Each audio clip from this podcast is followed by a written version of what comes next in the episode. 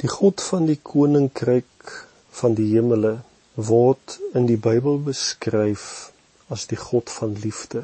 Ons lees in Johannes 4 vers 8 en 16 God is liefde.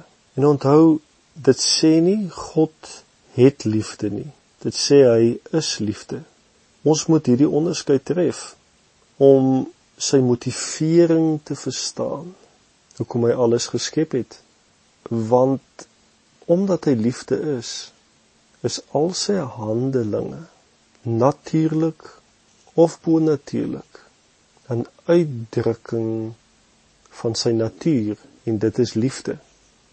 En een van die van selfsprekende natuurlike kwaliteite van egte liefde is dat liefde gee en liefde deel sigself. En omdat dit so is, het hierdie natuur van God, hierdie liefdesnatuur begeer om sy heerskappy, sy regering uit te deel. Onthou in wese kom liefde tot sy volle krag as dit sigself gee, sigself deel.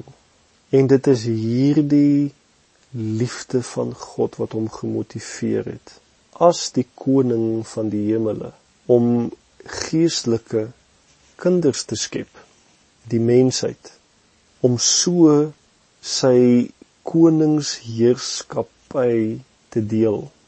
Met ander woorde die mens is geskep met die doel om te heers om te lei om te bestuur Dit was God se idee van die begin af om sy onsigbare koninkryk met sy kinders te deel. Dit was van die begin af sy idee om hierdie mensheid sy natuur te gee, sy karakter te gee.